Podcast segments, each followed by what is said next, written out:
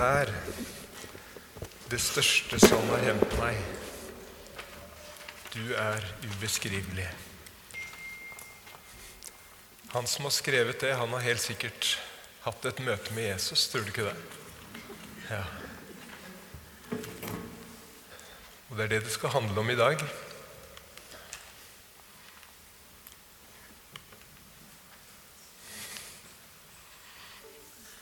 Vi fortsetter der vi var. Møter med Jesus. Hei, alle sammen. Takk for sist. Ja. Vi er samla for å prise Gud sammen. Det var nydelig å være med på det. Og så, eh, og så tror vi også at eh, Jesus er her. Så enkle er vi. Selv om ikke vi ser ham, så tror vi han er her. Og så tror vi at han er sånn som han var før. At han eh, er glad i mennesker. At han beveger seg rundt. Og så, og så vet han hvem du er. Han vet hva du tenker på om dagen. Og så vet vi at han ønsker å møte oss. Det er dette det handler om. Møter med Jesus. Og Det er det vi har tenkt å si litt om denne høsten, da, som du har forstått. Vi trenger alle å møte Jesus. Eh, fordi møter med Jesus, det, det gjør noe med oss. Det forandrer oss.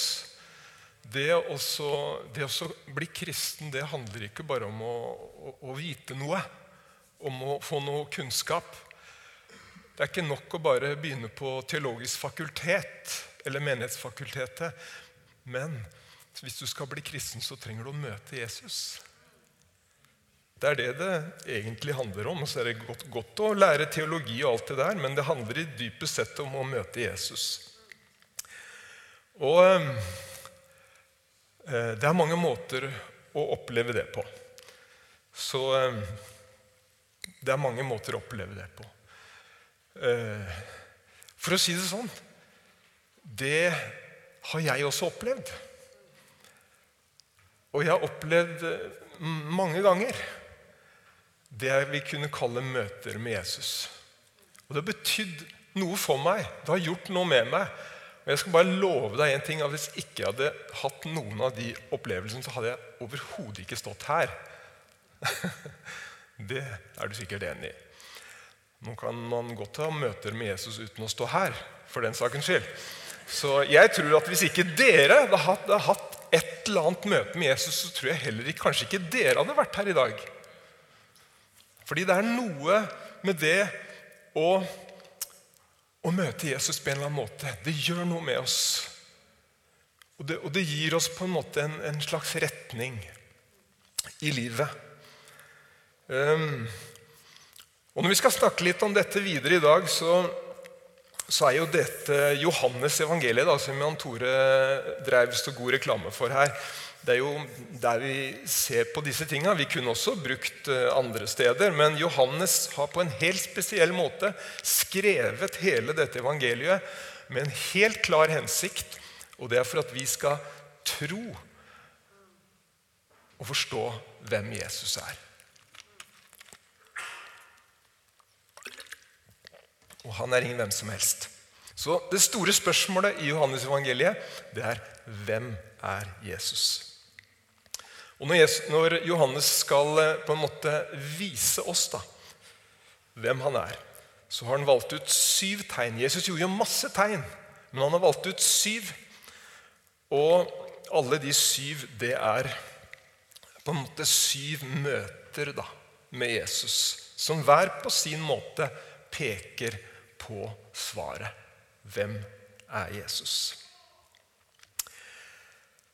Um, som jeg allerede sa, det er mange måter å oppleve det på. Noen ganger er møtene med Jesus sånn gudsbestemte. Det, det, på noe, det er ikke noe vi har lagt opp til. Eh, kanskje du har opplevd det. Noen eksempler på det veldig kort det er f.eks. Moses som eh, plutselig eh, opplever den brennende tornebusken i ørkenen. Og Gud er der, og han møter Moses. Moses hadde ikke planlagt det her. Det er bare Gud som suverent åpenbarer seg på den måten. Det samme med Paulus. Han var heller ikke interessert i det med Jesus. Han holdt på med helt andre ting. Men Jesus var interessert i ham. Og derfor så bare møter Jesus ham midt i hans eh, liv, da, for å si det sånn. Og så Kanskje du har lest historien hvordan dette kraftige lyset bare lyser opp midt på dagen. Og han spør, 'Herre, hvem er du?' Han skjønte at han sto overfor noe som var mye større enn han sjøl. Og så svarer han, 'Jeg er Jesus, han, som du forfølger'. Så, sånn kan det skje. Men den gode nyheten, da, for å si det sånn Vi er verken Moses eller Paulus.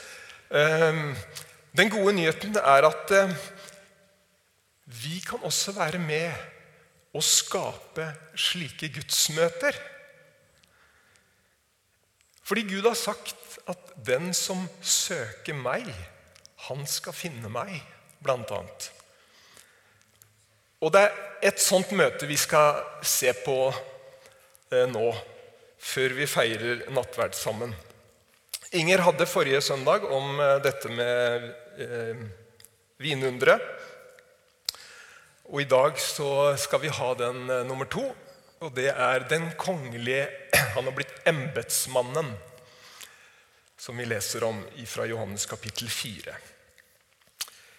Um, jeg må bare si helt kort eh, Jeg hadde tre ukers ferie, og så var jeg her forrige, torsdag, forrige tirsdag på bønnemøte. Og, og når jeg var der, så visste jeg vi skulle ha om de tingene her. Og så, og så får jeg et sånt bibelord som blir veldig tydelig for meg. Eh, og Det var det som står i Johannes' åpenbaring, hvor, hvor, eh, hvor det står at Se, jeg står for døren og banker. Det er ikke jeg som banker, det er Gud som banker. Og Det ble veldig sånn tydelig for meg at det, det må jeg si til dere. da. For det er noen, noen, av oss som har tendens til å ekskludere oss sjøl eh, fra det vi snakker om. Men bare for å male det bildet veldig tydelig, så er det en som er mye mer ivrig etter å møte deg enn du er etter å møte han. Forstår? Se, jeg står for døren og banker. Det er på en måte hjertedøra vår. da. Bare sånn at Det er veldig tydelig og sagt at eh, det er en som er mer interessert i å møte deg enn du er i å møte ham. Ja. Da må vi lese bibelteksten.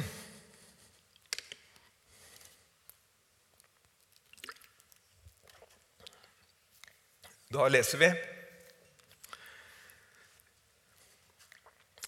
Skal vi se, jeg må lese her, jeg tror jeg. Jesus kom nå igjen til Kana i Galilea, der han hadde gjort vann til vin. I Kapernaum bodde en kongelig embetsmann. Han hadde en sønn som var syk. Da han fikk høre at Jesus var kommet fra Judea til Galilea, gikk han til ham og ba ham komme ned og helbrede sønnen, for gutten var døden nær. Jesus sa til ham, uten at dere ser tegn og under, tror dere ikke. Kom, Herre, før gutten min dør, sa mannen. Gå hjem, sønnen din lever, sa Jesus til ham. Mannen trodde det ordet Jesus sa til ham, og gikk av sted. Da han ennå var på hjemveien, kom tjenerne og møtte ham. Og de fortalte at gutten hans levde.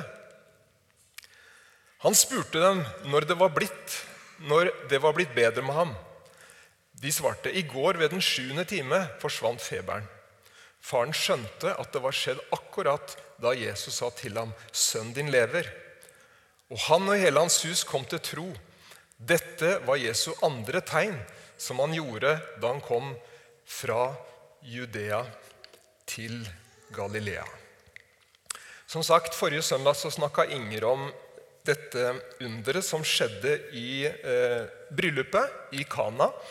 Dvs. Si, Jesus gjorde et under i en nyetablert familie.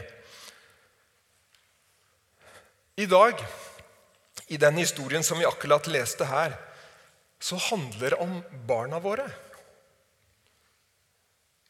Og det er ikke bare vinen som er i ferd med å ta slutt. Men livet holder på å ta slutt. Og når jeg satt med det her, så tenkte jeg det er ikke sikkert det er tilfeldig da, at disse to kommer liksom helt først i denne rekka. Uansett, da om det er tilfeldig eller ikke, så, så tror jeg i hvert fall at Gud på en spesiell måte bryr seg om familien. Han ser at den er utsatt. Og det hjelper på en måte ikke om du, har, om du er en kongelig embetsmann, for å si det sånn. Om du har drømmejobben, om du tjener masse penger, om alt annet er på plass. Hvis det er problemer på hjemmebane, sånn som han opplevde her Men løsningen da, for denne karen her, det var at han, han fikk møte Jesus. Og faktisk ikke bare han. Det begynte med han, men det siste verset som vi leste, så står det at han kommer til tro på Jesus med hele sitt hus. Det blei ble god stemning hjemme etter hvert. Vet du hva? Jeg skal ikke lage lettvinte løsninger her i dag, men jeg tror at eh, vi som både familie, som foreldre, jeg tror barna våre, barnebarna våre, de trenger å møte Jesus.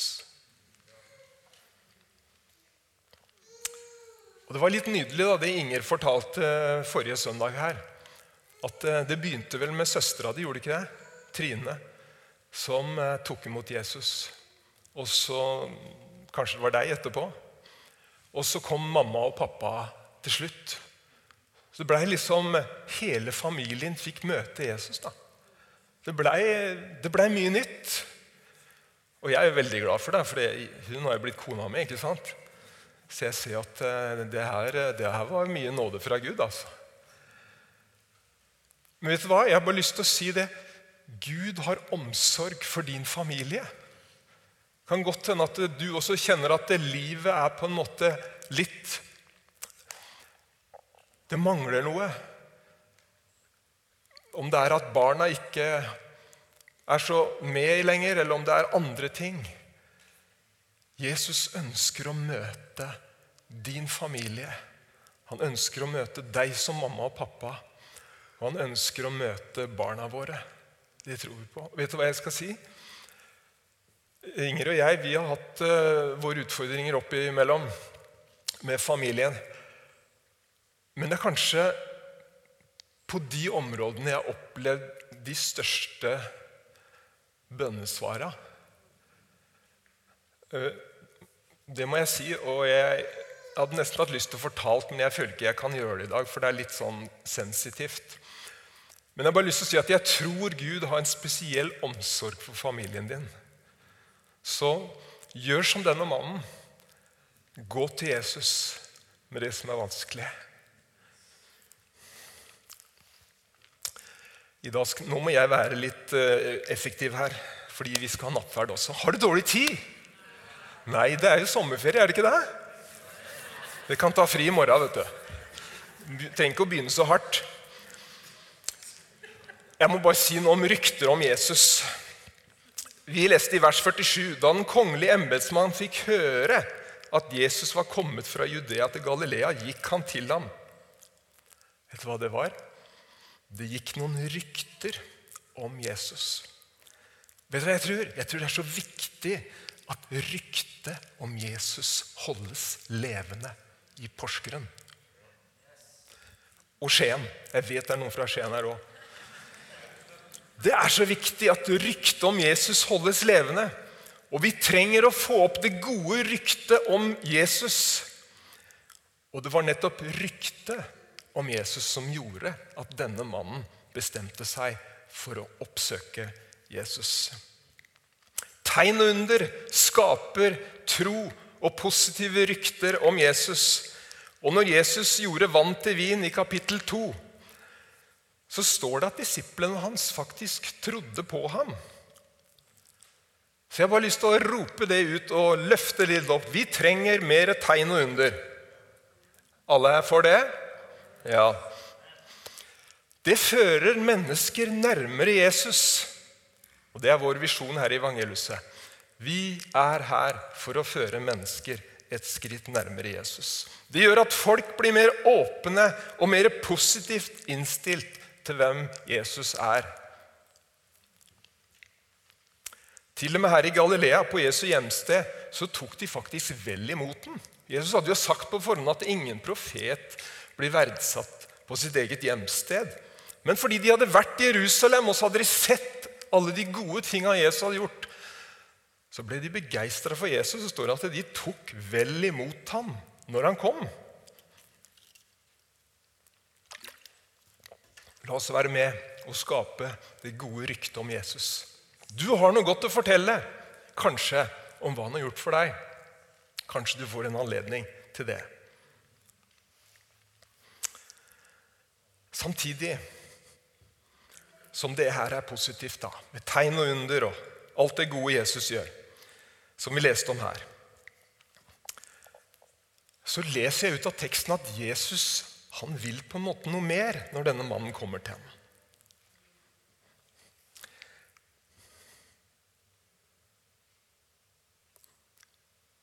Det ble lang pause nå. Nå skal jeg bare si deg en ting. Det er ikke alltid slik at når det begynner å skje Eller det er alltid slik, det var det jeg skulle si. Det er alltid slik at når det begynner å skje ting så kommer det mange folk. Ikke sant? Jeg husker når jeg var 14-15 år Jeg tilhørte egentlig her, da. Men da var det noe som het Jesusvekkelsen. Har du hørt om den? Nå går det faktisk en film på kino om Jesusvekkelsen. Og det var mye som skjedde. Og oppi Metodistkirken oppi her så skjedde det veldig mye. Mange folk kom, altså. Den var full av ungdommer. Og i min klasse på ungdomsskolen, jeg gikk i 8. klasse den gangen, så var over halvparten av vår klasse blitt kristne. Så det skjer noe når det begynner folk, begynner, folk kommer når det begynner å skje noe. Skjønner? Og det var noe av det vi ser her også.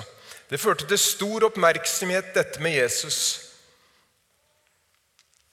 Mange kom til ham.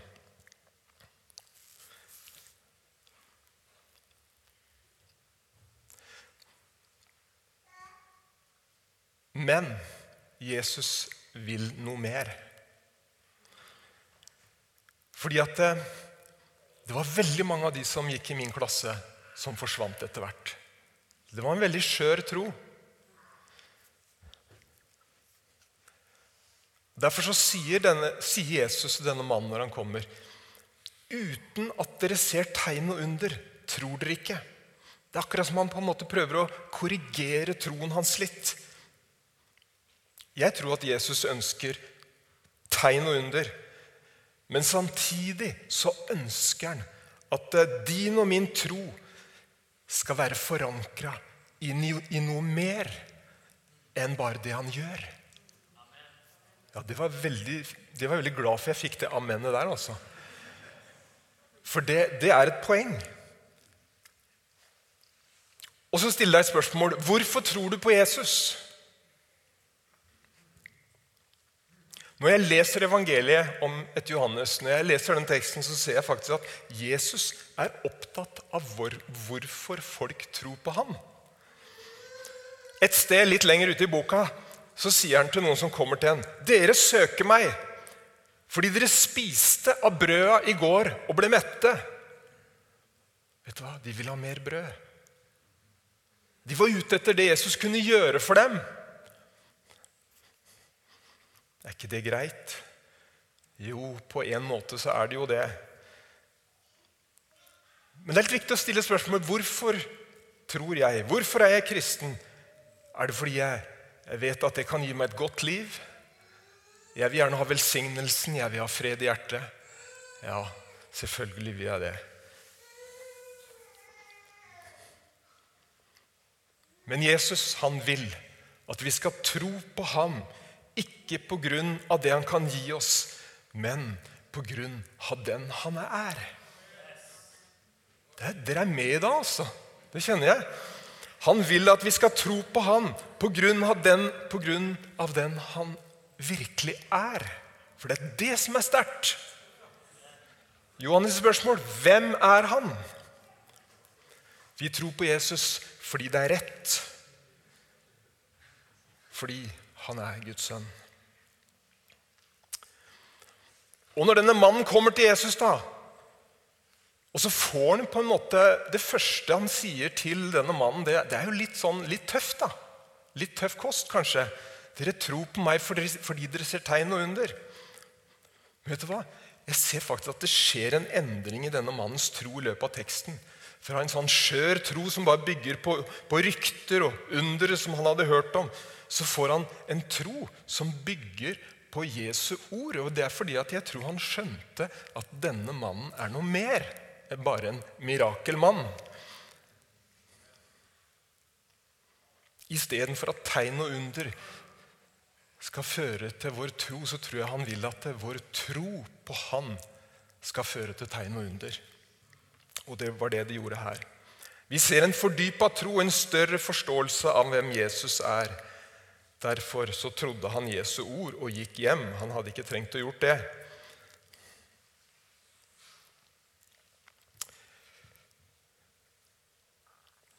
Og Så tenkte jeg, hva er, som, hva er det som skjer når, når denne mannen står innenfor Jesus der? Det kan være flere grunner til at det skjer noe med denne mannens tro. Men uansett så tror jeg han, han får et, et glimt da, av hvem Jesus er. Vi som kan lese liksom hele Bibelen, vi ser jo det. At han som i første Mosebok sier 'bli lys',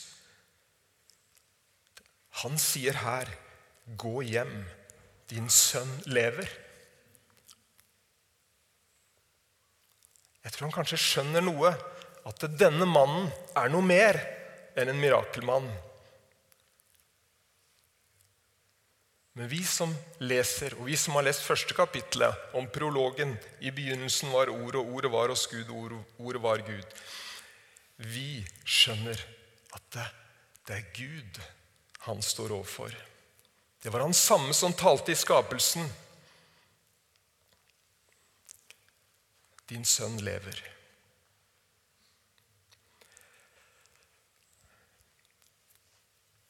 Jeg sa i begynnelsen her at noen, noen sånne gudsmøter de er gudsbestemte. Og så er det noen som vi kan være med å skape sjøl. Og det møtet her, det er et sånt møte som denne kongelige embetsmannen fikk være med å skape. Og som vi kan lære noe av. Nå skal jeg ha tre punkter før jeg setter meg. Hva var det som var viktig? Denne mannen, han bærer på et behov.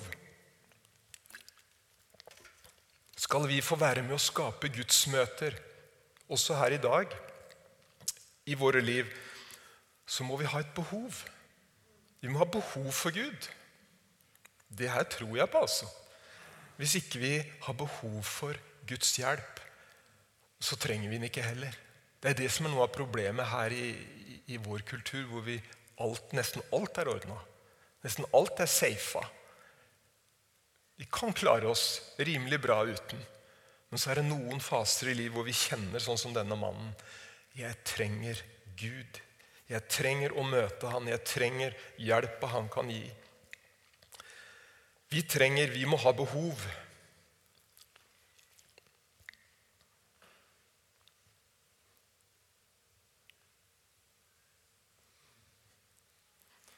Og så må jeg ta punkt to. Han var villig til å stå litt lenger. Legg merke til det at eh, det skjedde ikke noe sånn umiddelbart. Han får ikke umiddelbart det han ber om. Og Det første som Jesus liksom møter han med, var jo på en måte litt underlig. da. Så på en måte så kunne han avslutta der og snudd og gått hjem igjen. Men han gjorde ikke det, for han hadde et dypt behov, en sult, etter hjelp og etter Gud. Han ble stående. Han var villig til å bli stående litt lenger. Og jeg tror, jeg tror, noen ganger vi har litt hastverk jeg, i møte med Gud. Kanskje noen ganger vi må, vi må, vi må stå litt lenger også. Det er klart at Vi har jo sånn tidsskjema. Nå er det seks minutter igjen liksom, til vi må gå. Vi skal ha nattverd og sånn. Vi får jo dårlig tid i dag, altså. Jeg ser jo det.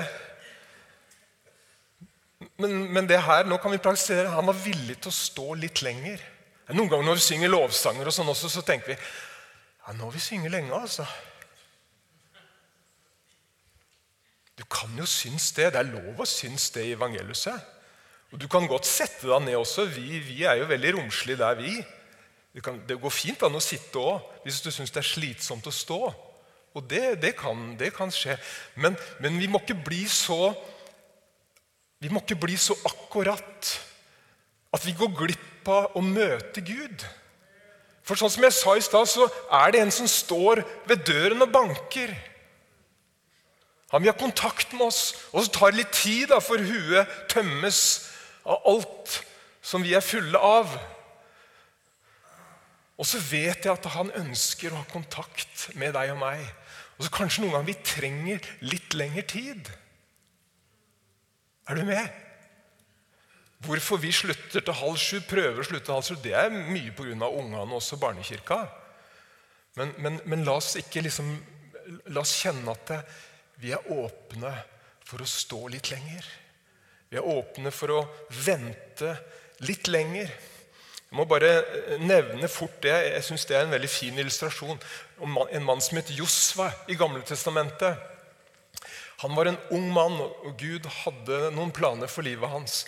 Og så står det så veldig fint at eh, de hadde slått opp et telt ute i ørkenen som de kalte for sammenkomstens telt. Det var der de liksom skulle møte Gud.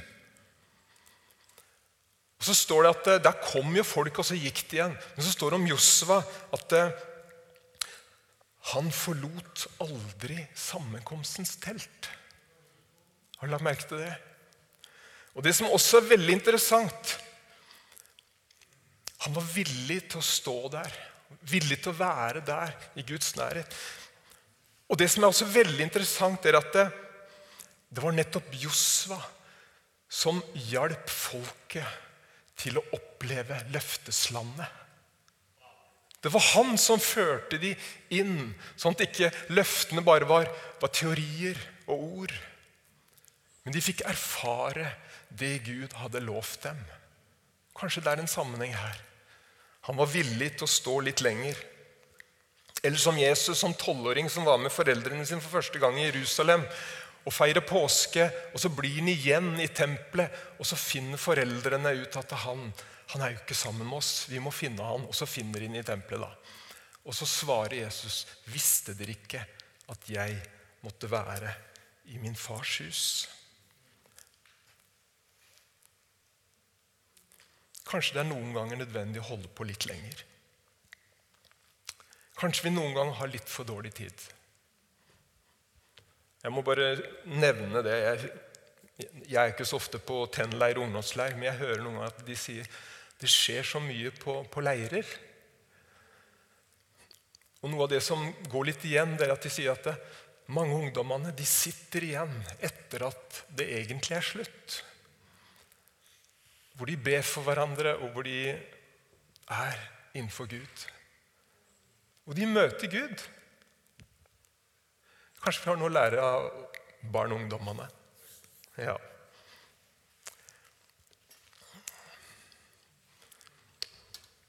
Han gikk av sted. Jeg har ikke holdt på så veldig lenge. Jan Tore, Det var det grunn du som holdt på lenge i stad, var det ikke det? Han hadde behov. Han var villig til å stå litt lenger. Og det siste punktet han gikk av sted. Og Jeg tror at vi kan skape sånne møter ved å gå. Gud han påvirkes av tro som våger å ta et skritt. Det er derfor vi i evangeliet har verdien eventyrlyst, som noen kanskje ikke helt skjønner poenget med. Men det er i hvert fall en av våre verdier. Og Det kom en person til meg en gang eh, og spurte meg om den verdien, er det fordi vi bare tenker at dette er eventyr? Men vi fikk heldigvis oppklart dette. Det har egentlig ikke noe med eventyr å gjøre. Men tvert imot så handler det om å ta et skritt. Ikke sant? I tro til Gud, da. Det handler faktisk ikke om å komme inn i et eventyr, men det handler om å bevege seg inn i en større virkelighet. Det er da vi opplever at Guds virkelighet åpner seg for oss. Den verdien eventyrlyst handler om nysgjerrighet på at det finnes noe mer. Vi tror på det å våge å stole på Jesus og hans ord. Og hvorfor det? Jo, fordi vi tror at han er ingen hvem som helst. Vi tror han er Gud. Vi tror han er troverdig. Og Det er noe med det å prøve det noen ganger, da. Hvis du er veldig usikker, og du er usikker på Jesus, så prøv å ta et skritt. Ja. Og Det er det vi ser i denne teksten. Jesus sier til ham, 'Gå hjem, sønnen din lever'. Og så trodde han på det Jesus sa. Kan hende han tvilte litt, men det sto hva han trodde. Og så gikk han, og så fikk han erfare. Ja Fikk du noe ut av det her? Vi må ha behov Først må jeg si det. Jesus vil møte oss. Vi kan være med og arrangere møteplasser. Arrangere sånne møter, men vi må da ha behov. Noen ganger må vi være villige til å stå litt lenger. Og så må vi noen ganger ta sjansen på å ta et skritt. Det var egentlig det jeg skulle si i dag. Og vet du hva? Nå skal vi snart feire nattverd. Og det, det er han, det er Jesus Kristus, Guds sønn, som har eh, ordna det her. Da, for å si sånn. Det er jo Dag, Daghild som er så grei å gjøre det her. Men, men, det, det er, det er, men det er en til som har gjort det her. Vi må huske på det. Han har gjort dette her nettopp som et uttrykk for at han ønsker å møte deg. Nattverden er et sted hvor vi kan møte Jesus med våre behov, med våre liv på godt og vondt. Så Gud velsigne deg. Herre, velsign ordet ditt i dag. Og vi ønsker å erfare deg på mange ulike måter. Takk at du skal lede oss her i kveld. Takk at du kan tale til mennesker her i kveld. Takk at du kan møte mennesker her i kveld. Herre, vi ønsker så inderlig det at vi kan være et folk som har en klar bekjennelse av hvem du er. Herre, velsign resten av dette i kveld, Herre. I Jesu navn vi ber. Ja, Arvid, du får komme opp og så ta en sang, og så gjør Henrik seg klar. Så håper jeg at du vil være med på, på nattverdsfeiringa. Eh, for, å si også det at eh, det er også muligheter til å, å få forbønn der nede ved Globen eh, etter at du har tatt nattverd her. Så la oss bruke muligheten hvis du ønsker å møte Jesus. Amen.